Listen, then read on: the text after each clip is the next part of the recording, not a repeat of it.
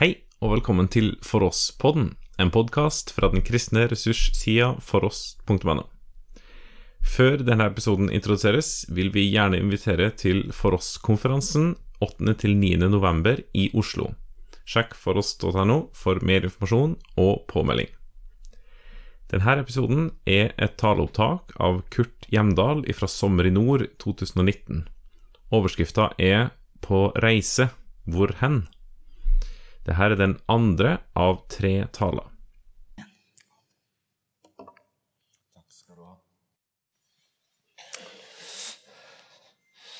Det er veldig praktisk å ha en kone. Jeg må bare få lov å si det. Det er veldig godt. Men hun gir beskjed om du må ikke stå der nede, for da ser de på bakerste benk deg ikke. Ja, Det er greit å få sånne tips. Og så har jeg skuffet henne mange ganger. Og En av de måter jeg har skuffet henne på, det er at vi har hatt så få blåturer. Turer ut i det blå. Det har hun ønsket bestandig. Men du skjønner det at det blir litt for mange prekenoppdrag, og dermed så blir det målrettet reising stadig vekk. Så en sjelden gang så får hun en blåtur, men det er ikke mye vi har vært på blåtur sammen. Og Da må vi se om dette systemet virker, for nå er jeg på vei inn på reise hvorhen. Og I den sammenheng så skal vi rett og slett si litt om det å være på blåtur. For det er mange som reiser ut i det blå.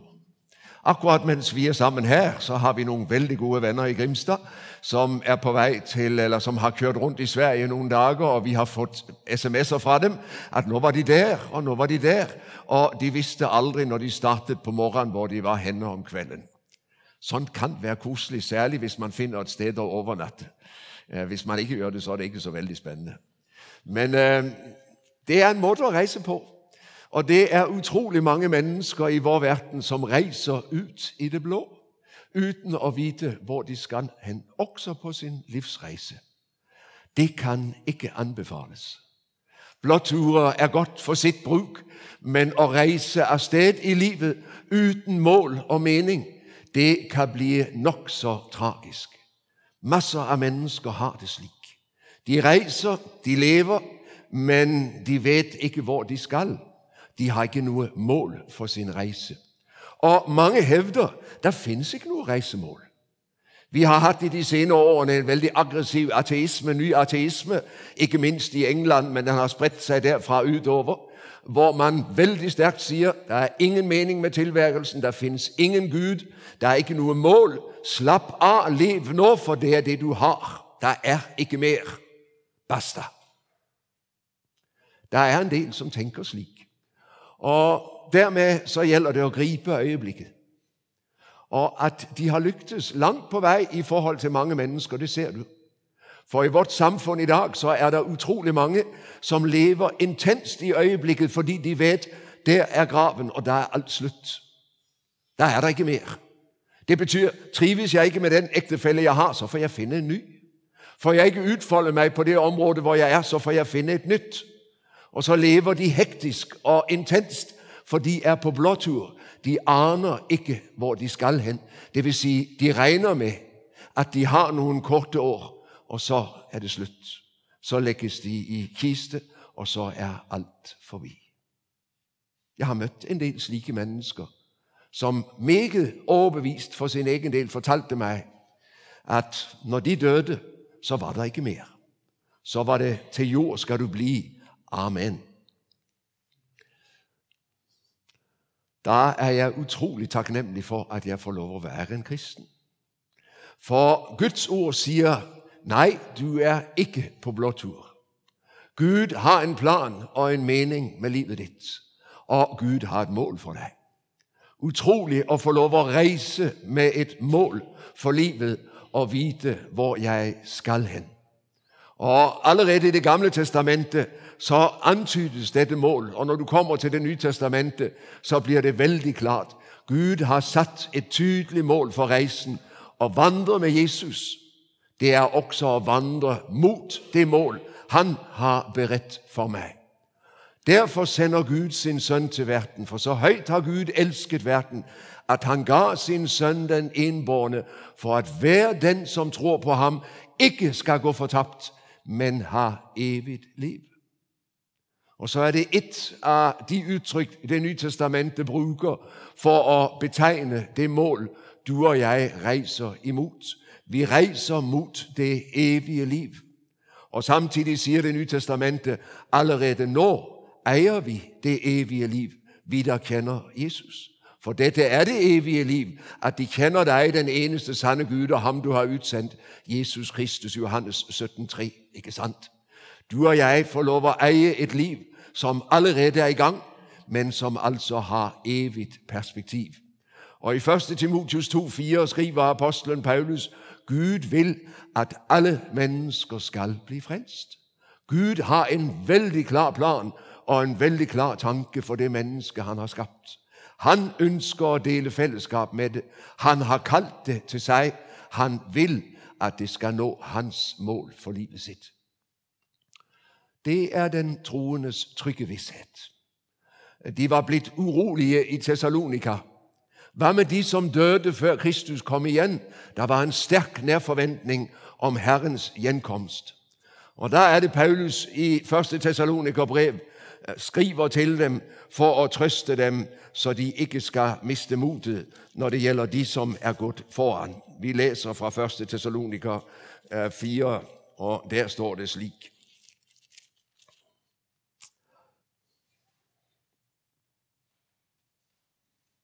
Vers 17 eller 13. Vi vil at dere skal vite, søsken, hva som skjer med dem som er sovnet inn dere skal jo ikke sørge som de andre, de som er uten håp. For om Jesus døde og sto opp, og det tror vi, så skal Gud også ved Jesus føre dem som er sovnet inn, sammen med ham. Dette sier vi der med et ord fra Herren. Vi som fremdeles lever og blir igjen her, helt til Herren kommer, skal slett ikke komme før dem som er sovnet inn. For når befalingen lyder, når erkeengelen roper, og Guds person høres, da skal Herren selv stige ned fra himmelen, og de døde i Kristus skal stå opp først. Deretter skal vi som er igjen og ennå lever, bli rykket bort sammen med dem i skyene for å møte Herren i luften. Og så skal vi være sammen med Herren for alltid. Amen. Tenk det. Så skal vi være sammen med Herren for alltid. Og Paulus avslutter i vers 18.: Så trøst da hverandre med disse ord. Nei, Gud vil ikke at du skal være uviss om din fremtid. Gud vil at du skal eie visshet om reisens mål. Han har i ordet vist deg hvor veien går, hvordan du når frem til målet for reisen. Og han har altså tydelig sagt fra du reiser ikke på måfå. Ved enden av reisen venter han på deg for å dele sin evige herlighet med deg. Trøst hverandre. Å være kristen er å leve i en ekte trøst. Som prest opplevde jeg ofte å komme i sørgehus. Jeg var sogneprest i Ski i en stor menighet, masser av begravelser. Og Det betydde at jeg om igjen og om igjen sto overfor mennesker som hadde mistet. Og Da slo det meg hvor korttenkt mennesker ofte er. For når presten kom inn, så var det første spørsmålet han fikk veldig ofte nå har far det godt. Nå har mor det godt. Det var helt tydelig et spørsmålstegn, og meningen var at presten skulle si ja. Hva visste jeg om det? Det jeg kunne si, det var det får vi håpe. Men det slo meg hvorfor tenkte dere ikke på dette før? Hvorfor forberedte dere ikke, dere, dere ikke på dette, at en dag er livet slutt? Det går an å vite hvor man skal, og det går an å få visshet om hvor man skal, at man kommer dit. Altfor mange lar dette ligge i luften uten å ta det på alvor mens det er tid. Det er stor forskjell på å reise mot et mål eller å reise uten mål og mening. Det er veldig interessant at Norge gjør det så bra på friidrettsområdet for øyeblikket. Og det er spennende å lese tankene til den far som har tre sønner som for øyeblikket er noen av de raskeste i verden. Han har gitt sønnene klar beskjed om det. Ønsker dere å nå målet, så står dere opp tidlig, og så trener dere. Og så lar dere alt annet være. Her må satses. Ja, men når det gjelder det evige liv, trenger ikke du og jeg å satse da?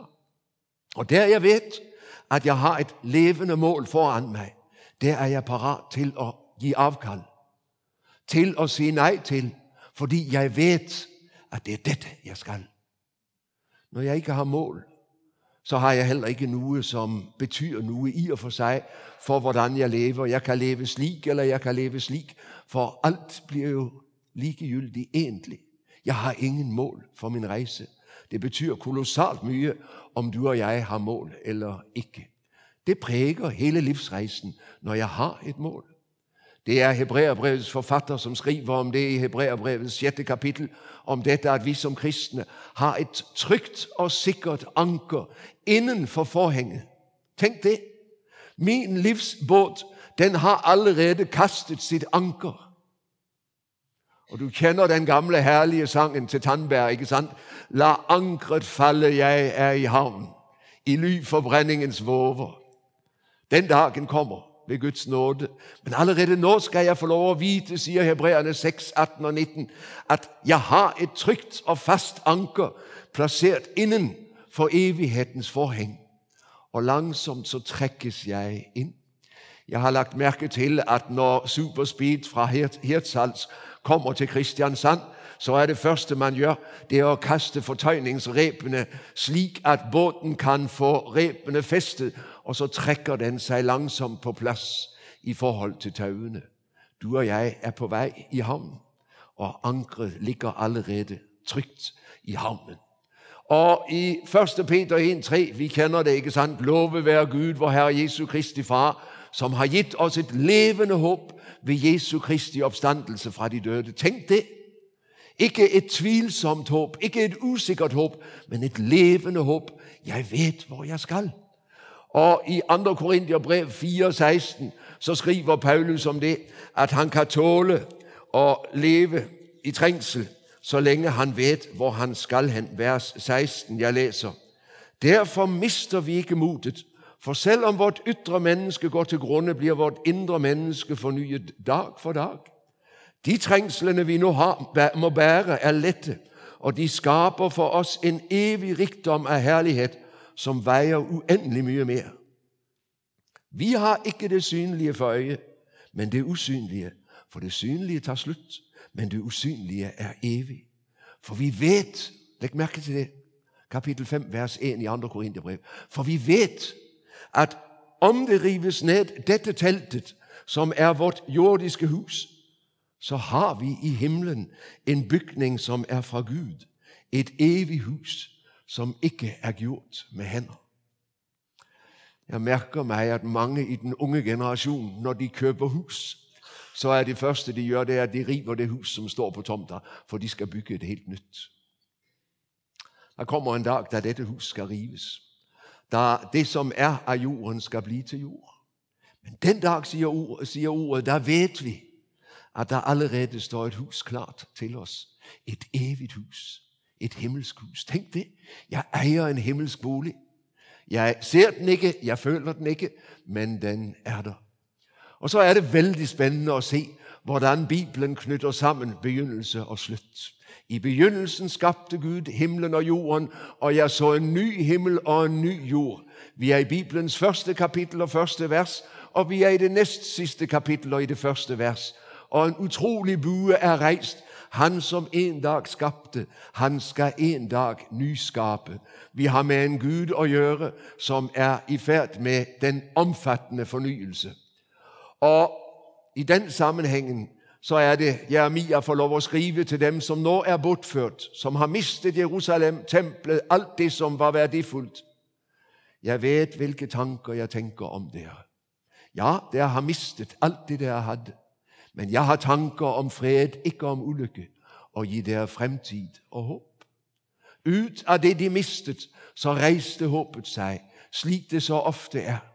I det jeg mister meg selv, i det jeg mister alt det som betyr noe for meg i verden, og møter Jesus, så er det med Paulus, med Paulus plutselig vet det som før var en vinning for meg, det er tap. Jeg akter det for skaren. I sammenligning med det langt høyere å kjenne Kristus, Jesus min Herre, og finnes i ham. Gud har noe utrolig godt til meg, og han har vidunderlige planer for meg. Gud vil at alle mennesker skal bli frelst. Og i den sammenheng må jeg ta med også 1. Johannes 5. Mange mennesker i dag reagerer, når jeg sier jeg vet hvor jeg skal hen. Det går ikke an å ha frelsesvisshet, sier de. Det er hovmot. Hva innbiller du deg? Hva tror du om deg selv? Nei, men min frelsesvisshet er ikke knyttet til meg. Det er mange, som er veldig opptatt av man kan ikke vite, og man kan ikke vite noe sikkert. Og kristne, som påstår, de vet noe sikkert, det er noen forfærdelige mennesker. Men faktisk så er Paulus og Johannes noen av dem, for vi vet, sier de. Og i 1. Johannes 5, så er det, han sier Johannes, den som har sønnen har livet. Den som ikke har Guds sønn, har ikke livet. Dette skriver jeg til dere for at dere skal vite, at dere har evigt liv, dere som tror på Guds sønns navn. Frelsesvisshet, det får jeg lov å eie i kraft av Kristus. For hans skyld vet jeg, at himmelen er åpen for meg, for han har åpnet den gjennom sin død og sin opstandelse. Og for hans skyld vet jeg, at jeg skal få lov å være der en dag. Ja, for han har tatt imot meg, fortapte, syndige menneske, og skjenket meg sitt liv, sin rettferdighet, sin fremtid. Og være en kristen og dele fellesskap med Jesus, både i liv og død og i oppstandelse. Intet mindre. Jeg vet hvor jeg skal hen. Jesus sier det til disiplene siste kvelden sammen med dem. La ikke hjertet bli grepet av angst og uro. Tro på Gud og tro på meg. I min fars hus er det mange rom. Gud har beredt plass til deg, min venn. Og en dag skal du og jeg få lov å innta den plassen og være i herligheten hos Jesus. Jeg reiser med mål, og derfor reiser jeg med mening, for jeg vet hvor jeg skal. Det nye testamentet taler om dette med målet på to måter. Det nye testamentet taler om, at ved enden av det enkelte menneskes livsreise så er det et mål, som venter. Apostelen sitter i fengsel i Filippi, eller i Roma. Han vet ikke, hvordan hans sak kommer ut for den keiserlige domstol. Kanskje dømmes han til døden. Kanskje får han lov å bevare livet. Og i den sammenheng så skriver han i Filipperne 1.23, det hadde vært langt bedre å fare herfra og være med Kristus. Og jo, han kjenner seg sliten. Han har stått på i kampen for evangeliet, og han ser, det hadde vært godt å omsider være i mål. Og så vet han, for deres skyld, så blir det neppe utfallet, for Gud vil fortsatt bruke meg hos dere. Men det hadde vært langt bedre. Der var en liten jentunge, som druknet på Vestlandet en dag på slutt, rundt 1970-tallet. Eivind Skeie var gode venner med familien, og han satte seg ned og skrev en vidunderlig liten bok, som han kalte Sommerlandet. Som trøst til disse foreldrene. deres jente, hun var i sommerlandet. Og der skriver han om den mørke dalen, men han skriver også om han, som alltid venter. Og jeg synes, han har sagt det genialt, Eivind, når han har brukt det navnet på Jesus. Han, som alltid venter. Der står en ved enden av din og min livsreise når vi har lagt vårt liv i Herrens hånd, og han står der og venter og speider. For i det øyeblikk du går over grensen, så går han med deg inn i sommerlandet, inn i herligheten som ligger foran. Nei, jeg er ikke uvis om, hva som skjer i det øyeblikk mine øyne lukkes i døden. Jeg vet Herren er der. Han er der for å bære hjem. Det hadde vært langt bedre å fare herfra og være med Kristus. Og det er det, han får høre. Denne røveren på korset. Han, som var uten enhver rett. Han, som hadde forspilt alle sine muligheter. Herre, kom meg i hu. tenk på meg. Og så får han hele himmelen. I dag skal du være med meg i paradis. Intet mindre. Mange er opptatt av dette. Hva skjer når jeg dør? Min venn, har du lagt dit liv i Guds hånd, så sier ordet, han er der for deg Også den dag, naturligvis er han det. Tett ved siden mig går Jesus. Ja, ikke bare mens jeg lever, men naturligvis også som den eneste, som har erfaring av det å gå over grensen. Så møter han meg der og fører meg trygt igjennom, så jeg slipper å gå alene. Og så taler det nye testamentet ikke bare om et mål ved enden av den enkeltes livsreise, men det nye testamentet taler om et totalt mål. Den Gud som en dag skapte, han vil en dag nyskapte. Og den dag vil han ikke bare nyskape de mennesker som hører ham til. Han vil nyskape alt det skapte. En total forløsning. Jeg så en ny himmel og en ny jord. Det dreier seg ikke bare om mennesker. Det dreier seg om hele skaperverket. For han som har skapt det, han er interessert i mennesket, han er interessert i dyrene, han er interessert i den umælende skapning, i alle trærne og plantene, i alt det han har skapt i hele universet. Alt er det hans, og alt har han omsorg for. Og der står et herlig vers i Kolosserne 21. I ham har vi forløsningen, taler Paulus om, og så skal jeg få lov å citere for deg Kolosserne 21, og der står det Og ved ham ville Gud forsone alt med seg selv, det som er på jorden, og det som er i himmelen, da han skapte fred ved hans blod på korset. Det står i Jesaja 49 i en av disse Herrens tjener-sangene, de fire sangene om Herrens tjener. Den du kjenner best, er Jesaja 53. Han ble såret for våre overtredelser. Men der står det at Herren sier til tjeneren sin, for lite for deg å gjenreise Israel. Din frelse skal nå til jordens ender. Og så taler Gud om en frelse for alle folkene. Men her i Kolosserne så sier Gud igjen for lite. Når du dør på korset, min sønn, så er det ikke bare for slekten, men så er det for hele skaperverket. Og så er frukten av langfredag og Golgata det er det du møter i åpenbaringen 21. En dag nyskaper Gud i det, den forløsning Kristus har vunnet, når han har gjort opp med synden, døden og djevelen og alt det som vil ødelegge Guds skaperverk. Da skal alt bli nytt. Så mektig er innholdet i det som skjer på korset langfredag. Han forløser alt. For alt ble lagt under forgjengelighet, sier Paulus i Romerne 8, på grunn av fallet. Så viktig er mennesket i skaperverket. Når vi faller, så blir alt underlagt forgjengeligheten. Vi hører sammen med alt det Gud har skapt. Og Du ser det veldig godt i 1. Mosebok kapittel 2. Når Gud skaper mennesket, så skaper han det av jord. Og Leser du hebraisk, så vet du at han, Adam det betyr rett og slett menneske. ikke sant? Men det står at Gud skapte Adam av Adama. Han skapte ham av mulljorden. Adam kommer fra Adama, og du ser det er samme ordet. ikke sant? Vi er jordmennesker nedefra. Det er slik Gud har skapt oss i første omgang. Men som jordmennesker hører vi sammen med skaperverket. Og derfor, når vi faller, så er hele skaperverket underlagt forgjengeligheten helt til det ytterste av universet. Ingenting har evig bestand i seg selv. Alt holdes oppe av Guds skapermakt så lenge Gud vil det. Og den dag Gud sier slutt, så er det forbi med hele skaperverket. Og Så kommer altså korset og sier nei, det er ikke slutt. Den dag forløses alt det skapte og får ny skikkelse, for Gud har mektige tanker med sitt skaperverk. Han vil gi alt del i den nye skapelse. Og så tegner Bibelen for oss en vidunderlig gjenopprettelse. Allerede i Jesaja 65, vers 17 og 18 så tales det om Se den nye himmel og den nye jord som jeg skaper.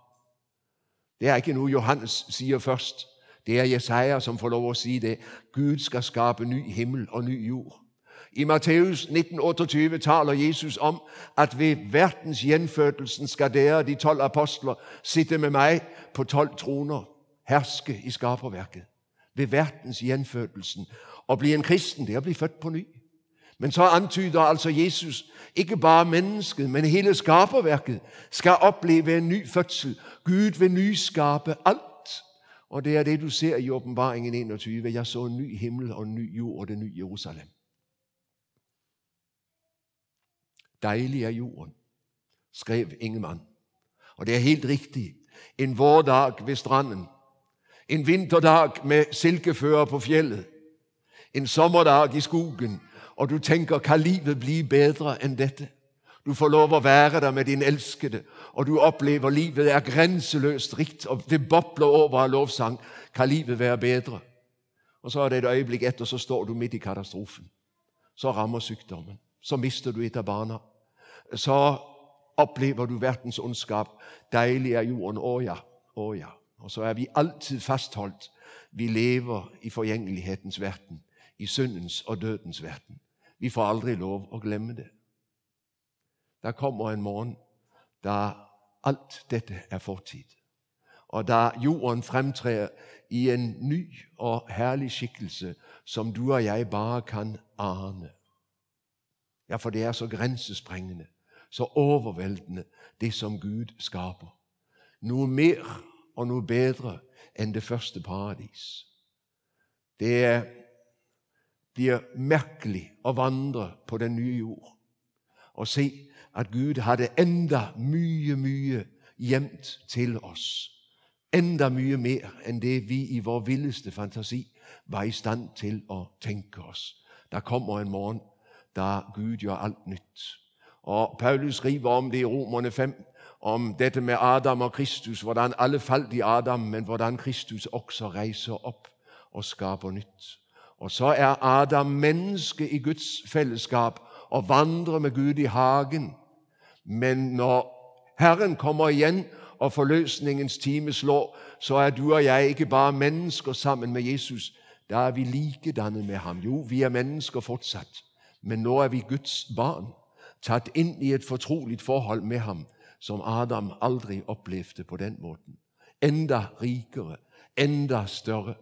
Og 1. Johannes 3,2 sier vi skal se ham, og vi skal bli ham like når vi ser ham som han er. Jeg undres, og jeg kan ikke la være å tenke på det. Herre, hvordan blir det å se deg, og så oppdage jeg er likedannet. Det har skjedd noe. Det er meg, og det er ikke meg. Jeg er nyskapt. Fra topp til tå, fra innerst til ytterst. Hva er det som har skjedd? Det blir en ufattelig morgen når det skal realisere seg. Og vi aner noe om dette allerede. For det som skjedde pås påskemorgen, det er at evigheten bryter inn i tiden. Når Jesus står opp, så er han for alltid ferdig med døden, står det i Det nye testamentet. Og Derfor er Jesu oppstandelse det helt grensesprengende og det viktigste øyeblikk i historien. For idet Kristus står opp, så har Golgata fått full tyngde. Gud har bekreftet Jesu Kristi offer som et offer for synder. Og samtidig nå er den evige verden til stede. Han som går ut av graven, skal aldri mer dø, og døden har ikke noe hos ham. Ikke en millimeter. Han er nyskapt fullstendig. Han hører hjemme i den kommende verden, og han beveger seg fritt mellom den usynlige verden og den synlige verden. De ser ham, og de ser ham ikke. Han er der, og han er ikke synlig til stede lenger. Hvor er han? Han er i overgangen mellom det synlige og det usynlige. Men han kommer fra den usynlige verden inn i den synlige for å si til oss dette er facts. Dette er realiteter. Dette er ikke bløff. Dette er ikke fantasi. Det er ikke eventyr. Nei, vi tror ikke på eventyr, vi som tror på Jesus. Vi tror på noe som har skjedd i tid og rom. Det skjedde en morgen at én forlot døden for godt og var til stede i vår verden som hilsen fra den kommende verden for å si til oss dette er målet. Og dette er Gud i stand til. Gud er mektig til ikke bare å reise Kristus opp. Nei, sier Paulus i 1. Korintiabrev 15. Han er den førstefødte. Og siden skal alle som hører Kristus til, reises opp med ham og få del i denne nye legemlighet i oppstandelsens virkelighet. 1. Korintiabrev 15, 23, og igjen 1. Peter 1, 3, et levende håp ved Jesu Kristi oppstandelse. For det er det eneste nye i den gamle verden inntil i dag. Det er Kristi oppstandelse. Han er totalt ny. Han hører til i den kommende verden. Men akkurat som de allierte tropper 6. juni 1944 satte fot på Europa og opprettet brohodet i Nazi-Europa, så var påskemorgen det øyeblikk da fremtiden brøt inn i vår verden, i dødens og syndens verden, og opprettet sitt brohode. Kristus, det er brohodet. Og alle dem som hører Kristus til, betyr brohodeutvidelse. Frem til V-dag, Victory Day, den dag Herren kommer, og alt er nytt. Den gamle verden er avviklet. Den nye verden er brutt igjennom og har overtatt fullstendig. Jesus er den førstefødte av de døde, står det i Kolosserne 1,18. Det betyr alle de som hører Herren til, skal følge ham inn i hans oppstandelse og bli delaktig i den. Den kommende verden er brutt inn. Han skal aldri mer dø. Nå er nyheten her. Og som sagt, hans seier betyr din og min oppstandelse. Han skriver om det i 1. Korinterbrev, kapittel 2, vers 9, apostelen. Det øyet ikke så, det øret ikke hørte, det Gud har beredt for hver den som elsker ham. Min venn, du har en utrolig fremtid i vente. Og tenk det største, det beste, det rikeste du kan. Det herligste du vet. Og det er en bleik, bleik, bleik avglans av det øyeblikk når han trer inn på scenen igjen og nyskaper. Og du og jeg skal bruke evigheten til å undres og tilbe. Herre, dette sprengte enhver begripelse. Er det mulig? Skal virkelig jeg få lov å ha del i dette? Ved døden går vi til himmelen. Når Herren kommer igjen, så stiger vi ned fra himmelen, sier åpenbaringen 21, og blir boende på en ny jord. Jorden er gjenskapt, nyskapt. Synden er borte med alle dens merker og alle dens følger, og nå vandrer du i det nyskapte skaperverk. Det står i åpenbaringen 21,2.: Og jeg så det nye Jerusalem stige ned fra himmelen, fra Gud, gjort i stand som en brud for sin brudgom. Hvor er hun på vei ned, denne bruden? For å forenes med brudgommen på den nye jord, naturligvis. Men idet vi dør, så går vi til de evige boliger, til rommene Herren har beredt. Hvorfor? Fordi du og jeg skal gjøres i stand til bryllupet. Jeg opplevde da virkelig som sogneprest at bruden kom for sent, for hun ble ikke ferdig hos, i skjønnhetssalongen. De hadde så mye de skulle gjøre med henne, så mye de skulle male på henne, og jeg vet ikke hva de skulle gjøre. Og Det tok så lang tid at der måtte altså hele bryllupsfølget vente, for hun ble ikke ferdig. Du behøver ikke være redd for at vi kommer for sent til lammets bryllup. Men hva skjer mens vi venter på lammets bryllup? Alle de som hører Herren til, og som er gått foran, er i ferd med å beredes for bryllupet. Og det står en vidunderlig liten hemmelighet i Åpenbaringen 19, vers 8, tror jeg det er. Linet, bryllupsdrakten, hva er det? Det er de helliges rettferdige gjerninger. Du skal få deg en merkelig overraskelse den dag du ikles bryllupsdrakten, den hvite kjolen til lammets bryllup. For hva er det som har skapt denne drakten? Herre, nå så vi deg syk, nå så vi deg naken, nå så vi deg i fengsel. Hva dere har gjort mot en av disse mine minste små, har dere gjort imot meg. Og så fulgte livet mitt meg, til og med i bryllupsdrakten, inn i møtet med lammet. Tenk det. Er ikke det et under? Er ikke det Guds nåde at det er mulig? Men det står altså faktisk det linet er de helliges rettferdige gjerninger. Kjære mor, en dag skal du møte igjen din omsorg for barna dine i bryllupsdrakten. Fantastisk.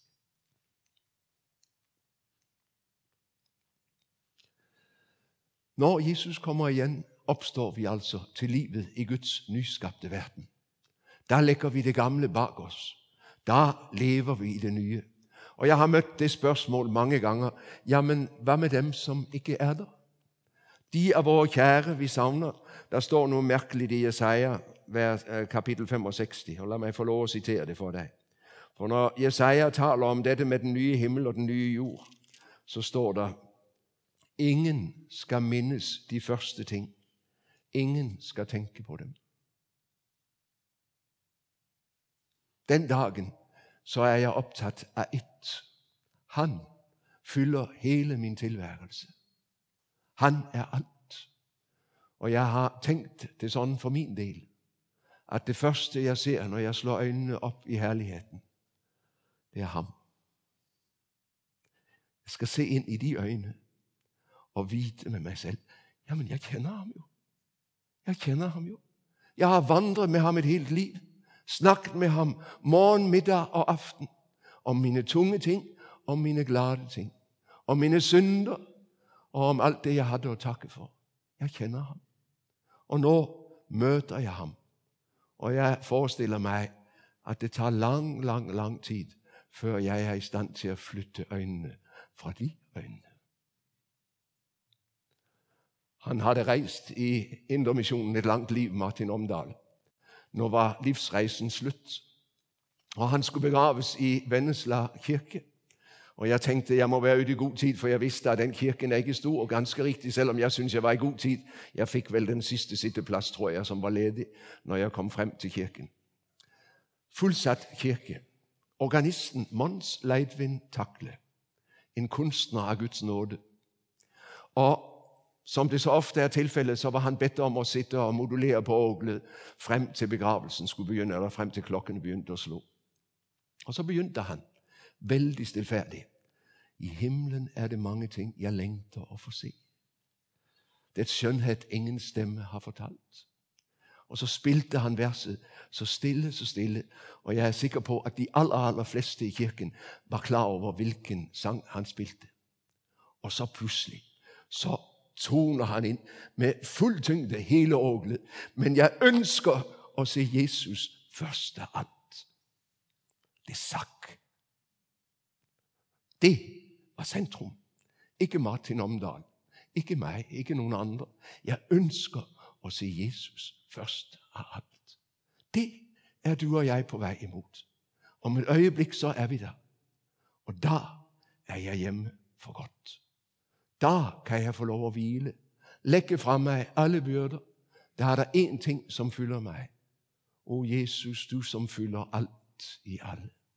Ja, anelsesvis her i tiden, men det kommer en morgen da jeg skal oppleve det. Og så er det sammenheng. Den Gud som skaper og nyskaper, det er deg og meg han nyskaper. Det er denne verden han nyskaper. Mange er opptatt av dette. Kjenner vi hverandre igjen når vi kommer på den andre siden? Ja, naturligvis gjør vi det. Hva skulle vi da etter ellers? Kan du fortelle meg det? Hvis jeg bare skulle være sammen med fremmede? Det hadde ikke vært noe spennende. Nei, selvfølgelig. Det er deg som dør. Det er deg som oppstår. Og det er riktig. Du er annerledes. Det står om disiplene. De skjønte det var Jesus, men det var noe som var annerledes med ham etter oppstandelsen. Men det var Jesus. Og Har du tenkt på det, at på Forklarelsens berg så vet Peter, Jakob og Johannes med en gang det er Moses, og det er Elia. De hadde ikke mistet identiteten. Og Gud er Abrahams, Isaks og Jakobs Gud. Han er Gud for levende, står det i Lukas 20. Det er Abraham og Isak og Jakob som er der. Vi skal sitte til bords med Abraham, Isak og Jakob. Og det skal bli fryktelig interessant å prate med Abraham. Jeg må si det. Selvfølgelig skal vi kjenne hverandre. Selvfølgelig skal vi bevare identiteten. En ny kropp, en ny legemlighet, en ny måte å eksistere på. Men det er deg og meg som er der. Ved Guds nåde er vi der og skal få lov å bevare identiteten. Der er sammenheng. Og Jeg har nevnt åpenbaringen 21, 14. I kapittel 21 blir Johannes tatt med på befaring i det nye Jerusalem. Og Legg merke til hva han ser. Han ser de tolv portene til byen og de tolv grunnsteinene.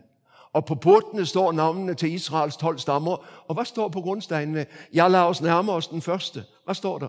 Simon Peter fra Betseida i Galilea. Ja, selvfølgelig er han det, Av Guds nåde. Og legg nå merke til, nå er han en ren edelsten. Der finnes ikke slagg igjen. Ingenting. Alt det er borte. Så stor er Kristi forløsningskraft at synden er fullstendig fjernet. Og det som er nå, det er en fullkommen Simon Peter, slik han var tenkt i Guds evige tanke. Nå er han realisert av Guds nåde. Og et eller annet sted i muren står ditt navn. Og et eller annet sted i muren står mitt navn. Stein i det nye Jerusalem. Og Det er jo naturligvis et bilde, for det er jo ikke en by han ser, Johannes. Det er jo ikke stein han ser. Det er levende mennesker. For hvem er det? Det er bruden, det er lammets hustru. Det er fellesskapet av alle de som hører Herren til. Ikke ta feil når du leser Åpenbaringen 21. Ikke tro at det er en by du ser. Jo, det ser sånn ut, men det er jo et organisk fellesskap. Det er vintreet og grenene. Det er Kristi legeme, ikke sant? Og så må Johannes skildre det på en måte så du og jeg kan forstå det, i hvert fall ane det. Og Derfor bruker han bildet av byen. Men byen er jo et folk. Det er alle de som hører Herren til. Der er sammenheng, og der er forskjell. For vi oppstår ikke med det legeme vi legges i kiste med. Sæden har én form, det ferdige korn har en annen skikkelse. Når du og jeg legges i, lege, i kiste, så er vi forgjengelige mennesker. Når vi oppstår, er vi uforgjengelige med et åndelig legeme. Og det skal bli fryktelig spennende å se hva det innebærer, og hvordan det fungerer. Men det får du og jeg ha til gode.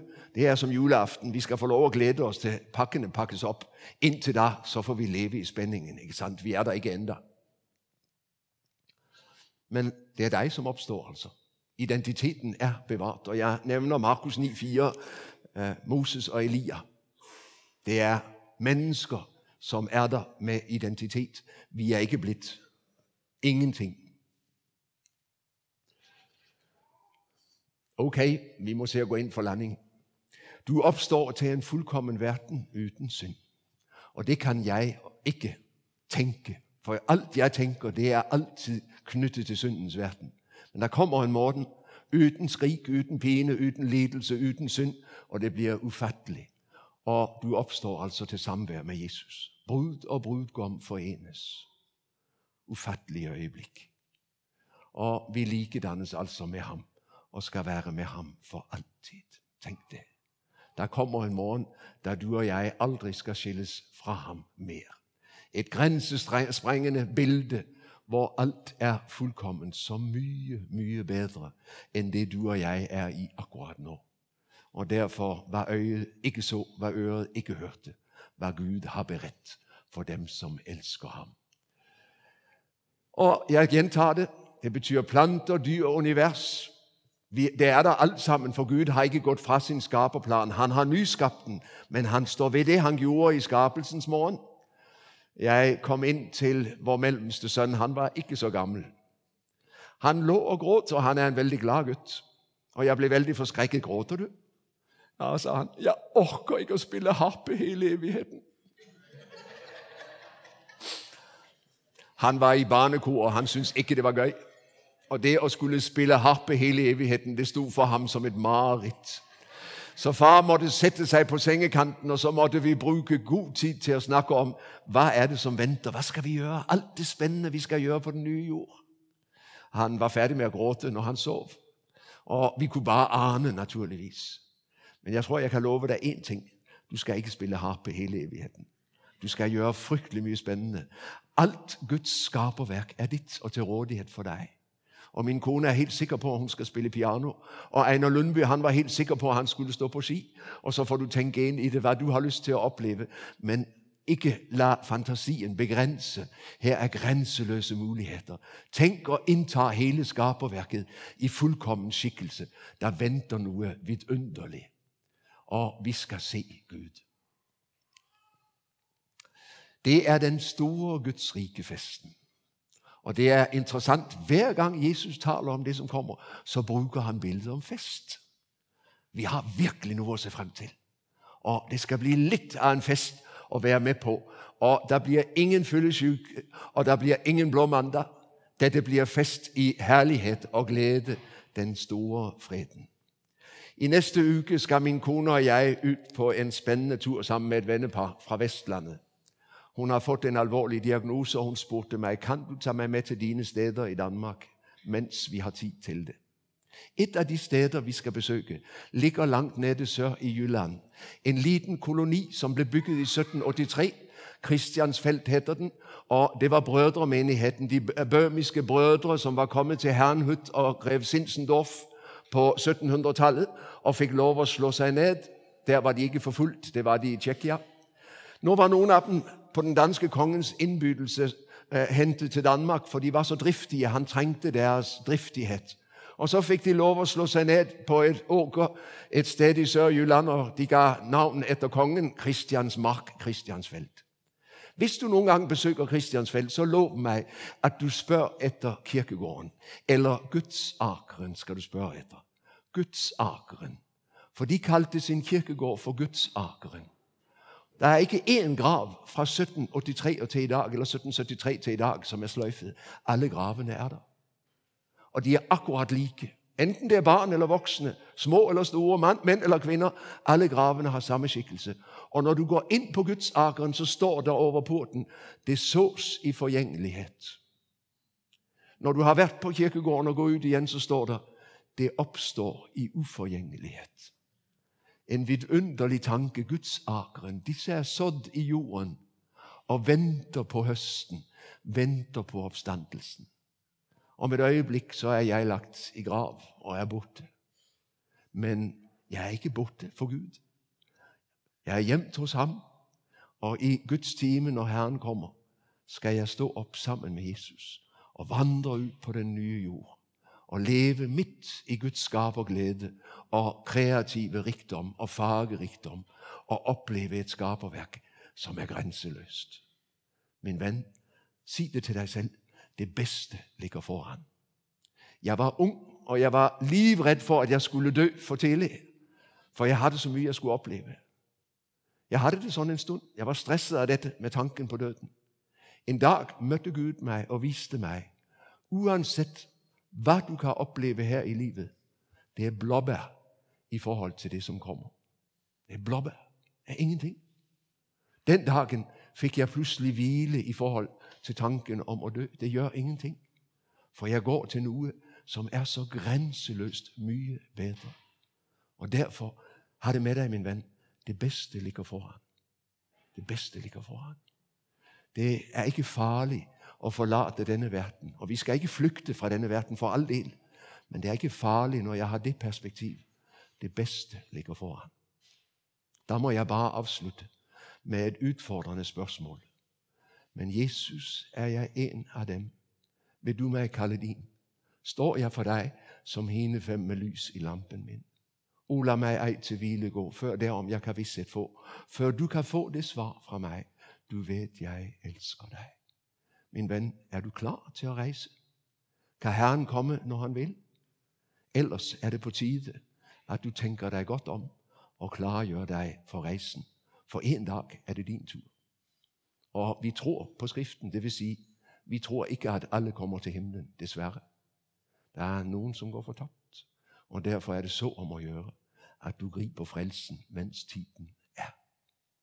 Herre Jesus, la oss ikke komme for sent til festen. Men la oss være blant dem som går inn til din evige herlighet. Amen.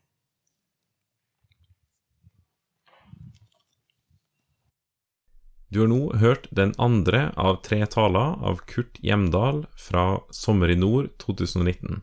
Finn flere ressurser, og vær gjerne med å støtte oss på foross.no.